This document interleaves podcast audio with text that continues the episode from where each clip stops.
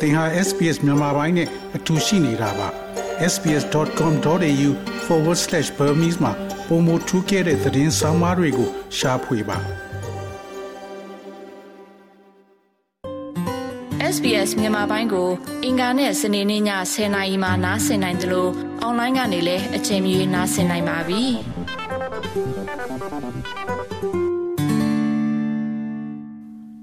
တော်ရရှိမြခင် Chat GPT လို့ခေါ်တဲ့ဉာဏ်ရည်တုနည်းပညာအသစ်ဟာကိုယ်ရေးကိုယ်တာနဲ့ Digital ကျင့်ဝတ်ဆိုင်ရာရင်းခုန်ဆွေးနွေးမှုများကိုလှုံ့ဆော်ပေးနေပါတယ်။အီတလီသည်နည်းပညာသစ်ကိုတားမြစ်ပိတ်ပင်သည့်ပထမဆုံးသော နောက်နိုင်ငံဖြစ်လာတော့လဲတခြားသူများက Chat GPT ကိုဝေဖန်ပိုင်းခြားနိုင်သော လူသားများရဲ့အဆုံးဖြတ်ကိုကျင့်သုံးခြင်းဖြင့်သင့်တော်စွာ အသုံးပြုနိုင်ကြောင်းပြောဆိုနေကြပါတယ်။ ဒါပေမဲ့ဒီ software အသစ်ကဘာလဲသူ့ရဲ့အသုံးပြုမှုအတွက်စိတ်ပူသင့်ပါသလားဆိုတာကိုကြည့်ရှုမှာဖြစ်ပါတယ်။ software ကို Microsoft ကြောထောက်နောက်ခံပြု company ဖြစ်တဲ့ OpenAI မှဖန်တီးထားခြင်းဖြစ်ပြီး ChatGPT သည်ညွှန်ကြားချက်ကိုလိုက်နာရန်လေ့ကျင့်ထားပြီးအသေးစိတ်တုံ့ပြန်မှုပေးသည့်အတိတ်ပဲရှင်းလင်းသည်ဟုဖော်ပြထားသည့် software ကိုဖန်တီးထားတာဖြစ်တယ်လို့ဆိုပါတယ်။ Professor Timothy Miller သည် University of Melbourne မှဉာဏ်ရည်တုပညာရှင်တူဖြစ်ပါတယ်။ program သည်စာသားအခြေပြုတုံ့ပြန်မှုများကိုဖန်တီးရန်အခြေစားဘာသာစကားပုံစံများကိုမြည်သို့အသုံးပြုကြောင်းရှင်းပြပါတယ် All that large language models really do uh, at a high level is they sort of have relationships about what words uh, occur close to each other. In, in other words, how likely it is that a sentence would be produced from the data that it's trained on. model များအားလုံးတွင်၎င်းတို့သည်တစ်ခုနှင့်တစ်ခုနီးစပ်တဲ့စကားလုံးများနှင့်ပတ်သက်သောဆက်ဆံရေးမျိုးရှိကြပါသည်။တနည်းဆိုရသောလေ့ကျင့်သင်ကြားထားတဲ့အချက်လက်မှဝါကြတစ်ကြောင်းကိုမြင်များအထိထုတ်ပေးနိုင်ပါသလဲ။ Chat GPT ရဲ့စီကံချက်များအရ၎င်းတွင် လေ့ကျင့်ထားသည့် data သည်အခြေခံအားဖြင့် internet ဖြစ်ပါတယ်။ Professor Miller ကဘလို့အလုပ်လုပ်တယ်ဆိုတာကိုရှင်းပြဖို့ဥပမာတစ်ခုပေးထားပါတယ်။ I want you to complete the this sentence that I'm about to give you, okay? Okay. Uh, the woman ran up the hill. Very good, right? Hill. Um, so when you said that there, that hill was probably the first that came to mind, and there's probably a few words that other people might choose um, stairs, for example, might be another one. Uh, but mostly you're going to choose words like hill, stairs, things that people run up. Um, you're not really likely to say um, the woman ran up the banana. That just that doesn't make sense. It doesn't occur on the internet very often. And so effectively models like ChatGPT are doing exactly that. They're trying to figure out. Give me, give me a sequence of words. What's the next word that အရန်ကောင်းတယ်ဟုတ်တောင်ကုန်ဒါကြောင့်တောင်ကုန်ဆိုတာစိတ်ထဲမှာပထမဆုံး ဖြစ်ကောင်းဖြစ်နိုင်သလိုတခြားသူတွေရွေးချယ်ရမယ့်စကားလုံးတချို့လည်းရှိကောင်းရှိနိုင်ပါတယ်လေကားများသည့်တခြားတစ်ခုလည်းဖြစ်နိုင်ပါတယ်ဒါပေမဲ့အများအားဖြင့်သင်ကတောင်တွေလေကားတွေလူတွေတက်ပြေးတဲ့စကားလုံးတွေကိုရွေးတတ်ကြတယ်မိမကငှပြောသီးကိုပြေးတက်တယ်အဲ့ဒါကအတိတ်ပဲမရှိဘူးအင်တာနက်မှာမကြာခဏဖြစ်လိဖြစ်တာမရှိဘူးဒါကြောင့်ထိထိရောက်ရောက် Chat GPT လိုမျိုး model တွေက အဲ့ဒါကိုအတိအကျလုပ်ဖို့စူးစမ်းနေကြတယ်။သူတို့စကားလုံးတွေအတွဲလိုက်လိုက်ရှာတယ်။အင်တာနက်အားလုံးကို ပေါင်းထားရင်အခြေခံအားဖြင့်အင်တာနက်ဖြတ်မြတ်အားဖြင့်ပြောနိုင်တဲ့နောက်စကားလုံးကဘာပါလဲ။ software ကို email များကိုလျင်မြန်စွာအကြောင်းပြန်ရန်ကိုရေးရာဇဝတ်များသို့မဟုတ်ရှေ့တရားသော စာသားများကိုကျဉ်းချုပ်ရန်ပါဝင် တခြားပုံစံများဖြင့် software ကို အသုံးပြုလျက်ရှိပါတယ်။ သို့သော OpenAI သည် လူများရဲ့ data ကိုသိမ်းဆည်းထားသည့်နေရာသို့မဟုတ်၎င်းကို အသုံးပြုနေပုံနဲ့ပတ်သက်လို့အချက်လက်များကို မဖော်ပြထားသောကြောင့်ကိုရေးကိုတာနဲ့ပတ်သက်၍စိုးရိမ်မှုများရှိနေကြပါတယ်။အီတလီရဲ့လွတ်လပ်သော ကိုရေးကိုတာထိန်ချောင်းသူဒရန်တေးကကမ္ပဏီသည် သုံးဆွဲသူများရဲ့အသက်ကိုစစ်ဆေးရန်ပြက်ခွက်ခဲ့ကြောင်းဆွဆွဲခဲ့ပါတယ်။ Chatbot ကို လေ့ကျင့်ရန်ကိုရေးကိုရာအချက်လက်အများအပြားစုဆောင်းခြင်းနဲ့သိသိထားခြင်းအားမျှတစေတဲ့တရားဥပဒေဆိုင်ရာအခြေခံမရှိခြင်းကိုလည်းဝေဖန်နေကြပါတယ်။ Professor Miller က privacy နဲ့ပတ်သက်သောစိုးရိမ်မှုများသည်ကြိုးကြောင်းညီညွတ်ကြောင်းပြောဆိုပါတယ် these are simple things that people could have that they should have thought about well in advance um i mean it's, it's to be honest um it's flabbergasting that they didn't think through some of these things. It's really surprising there's been plenty of people talking about this for a long time. Um so i would say from a sort of you know consumer protection point of view if you're taking storing people's data it should be very clear wh- whether you're storing it if it is what you're storing it if, when you're storing it what are you using ဒါ it တွေက for how လူ long တွေ you can store ကြို it for တွေး Those ထား are all တဲ့ very basic ရိုးရှင်းတဲ့ privacy, အရာတွေပါ I guess, I guess ရိုးရိုးသားသားပြောရရင် that doesn't ဒီ seem အရာ that များ they ထဲမှာ seem to sort တ of ချို့ကို sort it မ through. စင်စား I မိ wouldn't သည် say မှာ because အံ့ it's ဩ new, စရာ I would ပါ say ပဲ because it was ဒီ right. အကြောင်းကို Uh, လူ yeah, တော် without များများ really thinking ပြောနေကြတာကြာပါပြီ concerns. ဒါကြောင့်သုံးဆွဲသူတွေကိုကာကွယ်ရေးအမြင်ကနေပြောရမယ်ဆိုရင် လူတွေရဲ့ data ကိုသိမ်းထားရင်သိမ်းထားသလားသိမ်းထားခဲ့တဲ့အခါသိမ်းစီထားသလားဆိုတာကို ရှင်းရှင်းလင်းလင်းသိဖို့လိုပါတယ် အဲ့ဒါကိုဘယ်လောက်ကြာကြာသိမ်းထားမလဲ၎င်းတို့အားလုံးသည် အလွန်အခြေခံကျသော ကိုယ်ရေးကိုယ်တာမှုများကို မစင်စားခဲ့ကြပါဘူးအသက်ဖြစ်တာကြောင့်လို့တော့မပြောလိုပါဘူးစိတ်ပူစရာတွေကိုတကယ်မစင်စားပဲအမြန်ထွက်သွားတာကြောင့်လို့ပဲပြောချင်ပါတယ် Professor Janine Patterson သည် Melbourne တက္ကသိုလ်မှကိုယ်ရေးကိုယ်တာဥပဒေတွင် အထူးပြုထားပြီး AI နဲ့ Digital Ethics Center တွင်တွဲဖက် Director လည်းဖြစ်ပါတယ်။ data စုဆောင်းခြင်းနဲ့သိမ်းဆည်းထားခြင်းဆိုင်ရာ အချက်လက်များနှဲပါခြင်းသည် ကိုယ်ရေးကိုယ်တာအချက်လက်များကို ချိုးဖောက်ခြင်းအတွက်သာမက လူသားများရဲ့ယုံကြည်ခြင်းနဲ့ရွေးချယ်မှုများကိုလွှမ်းမိုးရန်ထို data ကိုအသုံးပြုပုံနဲ့ပတ်သက်၍လည်းသူမကပြောကြားခဲ့ပါတယ် This is a technology that has the capacity to analyze the data that's collected and then use that information back to us. And that can be used in the commercial interest of the person who's providing the technology or the political interest of a person who's providing the technology. So that sort of concern about, you know,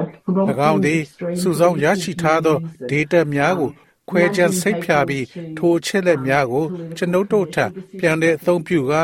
ဤပညာကိုပံ့ပိုးနေသူရဲ့စီးပွားဖြစ်သို့မဟုတ်နိုင်ငံရေးအကျိုးစီးပွားအတွက်အသုံးပြုနိုင်တဲ့ဤပညာတစ်ခုဖြစ်ပါတယ်။ ဒါကြောင့်အလွန်မင်းနိုင်ငံရေးအမြင်တွေကိုလှုံ့ဆော်ပေးပြီးလူတွေကိုနိုင်ငံရေးအရာစီးပွားရေးဆိုင်ရာဆုံးဖြတ်ချက်တွေစီတွန်းပို့တာဟာတကယ်ကိုပြဿနာဖြစ်တယ်လို့ကျွန်မထင်ပါတယ်။ Professor Patterson ကလူဝဲရေးဥပဒေသည် ပြောင်းလဲနေသောဤပညာကို အမိလိုက်နိုင်ရန်ဒီဇိုင်းထုတ်ဖို့လိုအပ်တယ်လို့ဆိုပါတယ်။သို့သောကျွန်ုပ်တို့သည် လူတူတစ်ယောက်ရဲ့အတွင်းရေးနဲ့ ဤပညာနှင့်ကျွန်ုပ်တို့ရဲ့ဆက်ဆံရေးကိုပြန်လည်မြင်အောင်ရန်လိုအပ်တယ်လို့သူမကပြောဆိုပါတယ်။ Generally, what we have at the moment is in the Privacy Act is what we call principles based regulation. The Privacy Act is a set of principles and it's been deliberately designed that way so that we can respond to changing technology.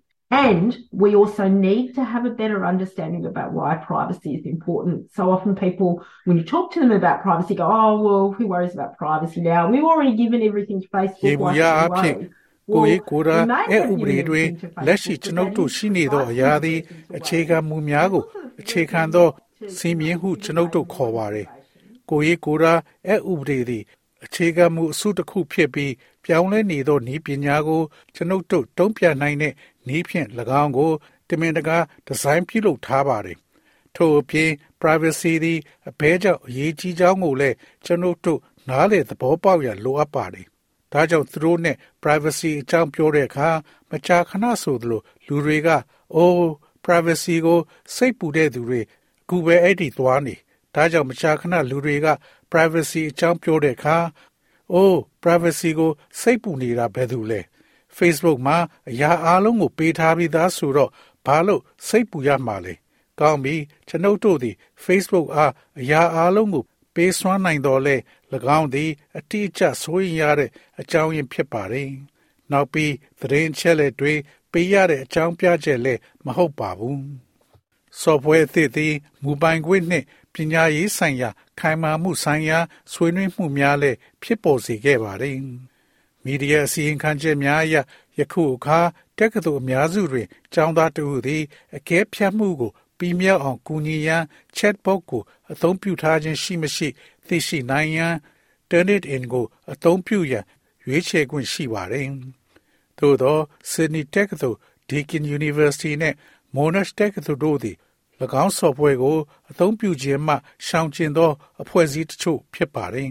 ။ကျောင်းသားများ AI ကို ကျင့်ဝတ်သိက္ခာရှိရှိနဲ့တာဝန်သိစွာ အသုံးပြုနိုင်ရန် လုံလောက်သော စစ်ဆေးမှုနှင့် အကဲဖြတ်ခြင်းတို့ကို မလုံဆောင်မချင်း လုံလောက်သော စစ်ဆေးမှုနှင့် အကဲဖြတ်မှု မပြုလုပ်မချင်းဤပညာဆိုင်ရာ ချီးကပ်မှုအပါအဝင် တက္ကသိုလ်၃ခုမှ၎င်းတို့ရဲ့အကြောင်းပြချက်ကို ကိုကဖော်ပြထားပါတယ်။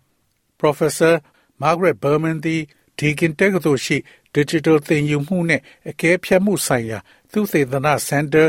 CRADLE Cradle မှဖြစ်ပါတယ်။ Turner တွေနဲ့ပတ်သက်ပြီးတက္ကသိုလ်ရဲ့ဆုံးဖြတ်ချက်မှာသူမမပါဝင်ခဲ့ဘူးလို့ပြောဆိုပါတယ်။ဒါပေမဲ့ AI နေရာမှာကျောင်းသားရဲ့အလုပ်ကို အတိုင်းအတာတစ်ခုအထိအစားထိုးမှုကြီးမားတဲ့စိုးရိမ်ပူပန်မှုရှိတယ်ဆိုတာမယုံဘူးလို့သူမကဆိုပါတယ်။ Professor Berman က၎င်းသည်လိန်လေလှည့်ဖျားမှုကိုရှော့ချရန်အတွက်လဲလှုပ်ဆောင်တဲ့တီထွင်ဖန်တီးမှုဆိုင်ရာအကဲဖြတ်မှုများပုံမလှုပ်ဆောင်လာစေရန်တက္ကသိုလ်များကိုလှုံ့ဆော်ပေးမယ်လို့ဆိုပါတယ်။ Gen AI is going to be out there in the workplace. You know, I spoke to someone on the tram. They said, "Oh, my boss was writing a policy using ChatGPT." So if people in workplaces are using ChatGPT and people are using in their daily lives, our students need to be able to navigate that world. generative AI ကအလုတ်ခွင်းမှာအပြင်ထွက်ပြီးဓာတ်ရထားပေါ်ကတစုံတစ်ယောက်နဲ့စကားပြောခဲ့ပြီးဟိုငါ boss က Chat GPT သုံးတဲ့မူဝါဒကိုရေးနေတယ်လို့ပြောဆိုပါတယ်ထို့ကြောင့်လုပ်ငန်းခွင်ရှိလူများသည် Chat GPT ကိုအသုံးပြုပြီး၎င်းတို့နေ့စဉ်ဘဝတွင် လူအများအသုံးပြုနေပါကကျွန်ုပ်တို့ရဲ့ចောင်းသားများသည်အဲ့ဒီအသုံးပြုတဲ့ကဘာသို့သွာလာနိုင်ရန် လိုအပ်ပါတယ်ကျွန်ုပ်တို့ရဲ့အကဲဖြတ်ချက်များသည်ဤလောကထဲသို့ဝင်ရောက်လာမယ့်အချိန်နဲ့ကိုက်ညီနေပြီလို့ကျွန်ုပ်ထင်ပါတယ်ပြီးတော့ကျွန်ုပ်တို့ကအဲ့ဒါနဲ့အဆက်အသွယ်ဖြတ်ထားတာအတန်ကြာပြီလို့ကျွန်ုပ်ပြောနိုင်ပါတယ် Professor Berman က generative AI သည်ဝေဖန်ပိုင်းခြား၍အကဲဖြတ်ခြင်းထက်စံတုံးပြမှုကို ပေးတယ်လို့အခိုင်အမာပြောဆိုပါတယ်။ software သည် Microsoft Word ကဲ့သို့သောပညာရေးဆိုင်ရာကိရိယာများတွင်ထည့်သွင်းထားနိုင်ပွဲရှိသောကြောင့်၎င်းသည်ကျောင်းသားများအားဝေဖန်ပိုင်းခြားနိုင်သော တွေးခေါ်မှုစွမ်းရည်အသစ်နှင့်သက်ဆိုင်သောနည်းဖြင့်သုံးချရန်အခွင့်အလမ်းများပေးမယ်လို့သူမကပြောဆိုပါတယ်။ So within this framework, you know, I can see a lot of use for working with something Gen AI to get people to critically interrogate their own views. Is what the Gen AI returning, is that reasonable? What are the problems with it? You can ask the Gen AI to critique itself, but you as a student as well could start to bring in something we call evaluative judgment to make sense of whether that is ဒါကြောင့်ဒီမူပေါင်းအတွင်းမှာ Gen AI နဲ့တွဲလုပ်ရတဲ့အတွက်လူတွေကိုသူတို့ရဲ့ကိုယ်ပိုင်အမြင်တွေကိုစမ်းစစ်ဝေဖန်ဖို့လူတွေကိုရအောင်လုပ်ရမှာအများကြီးအသုံးဝင်တာကို တွေ့ရပါတယ်။ Gen AI ပြန်လာခြင်းသည်ကြိုးကြောင်းစီတော်မှု ရှိပါသလားအဲ့ဒါနဲ့ဘာပြဿနာများရှိသလဲ Gen AI ကို ကိုယ်တိုင်ဝေဖန်ခိုင်းလို့ရပါတယ်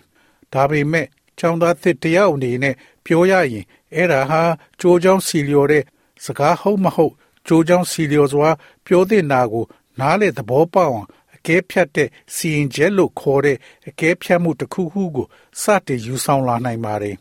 ပြက်ပြက်သားသားမပြောလို့ပါဘူးဒီနေရာမှာဝေဖန်ပိုင်းခြားတွေးခေါ်မှုအကြောင်းပြောနေတာပါ ကျွန်ုပ်တို့သည်အဖြူအမဲအဖေများအကြောင်းပြောနေခြင်းမဟုတ်ပါဘူးဤနည်းပညာအသစ်သည်လူသားတွေရဲ့အလုပ်များအထူးသဖြင့်စာသားထုတ်လုပ်ပြီးလူမှုဆက်သွယ်ရေးသို့မဟုတ် journalism ကဲ့သို့သောအချက်လက်များကိုခွဲခြားစိတ်ဖြာသည့်အလုပ်များကို အစားထိုးနိုင်မလားလို့လဲစိုးရိမ်မှုများရှိနေပါတယ်။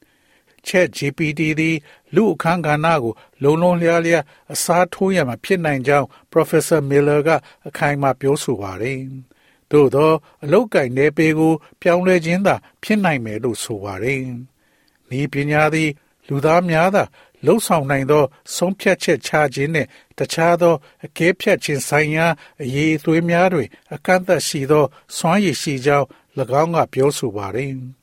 software ရဲ့တိကျမှုနဲ့ပတ်သက်လို့လည်းစိုးရိမ်မှုများရှိကြောင်း၎င်းကထပ်လောင်းပြောဆိုပါတယ်။ Professor Miller က AI စနစ်သည်အင်တာနက်ပေါ်တွင် ပေးထားသောစကားလုံးများသည်တစ်ခုနှင့်တစ်ခုဆက်ဆက်နေသောကြောင့်မစီမဆိုင်သို့မဟုတ်မှားယွင်းသောအချက်လက်များကိုမိတို့ထုတ်ဖော်မည်ကိုဖော်ပြရန်အတွက်ရောင်မှားခြင်းဟူသောဝေါ်ဟာရကို အသုံးပြုခဲ့ကြောင်းပမောက္ခမီလာကပြောဆိုပါတယ်။သို့သော ပမောက္ခပက်တဆင်ကဝေဖန်ပိုင်းကြား၍အသုံးချသောအခါတွင်ထိုကဲ့သို့သော AI နည်းပညာအတွက်အကျိုးကျေးဇူးများရှိကြောင်းပြောဆိုပါတယ်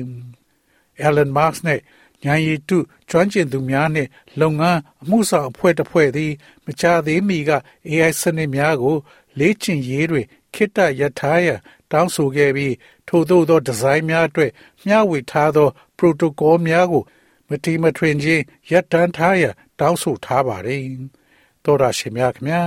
SBS သတင်းဌာနက Catriona Stirridge ဆောင်းပါးကိုဘာသာပြန်တင်ဆက်ပေးထားတာဖြစ်ပါတယ်ခင်ဗျာ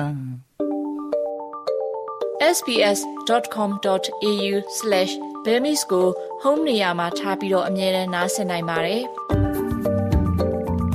နောက်ဆုံးရသတင်းတွေ၊ဆောင်းပါးတွေနဲ့စစ်တမ်းတွေမှာပါဝင်ပြီးတော့ဆက်သွယ်မှုလုပ်နိုင်ပါတယ်။ sbs.com.au/bemis ဖြစ်ပါတယ်ရှင်။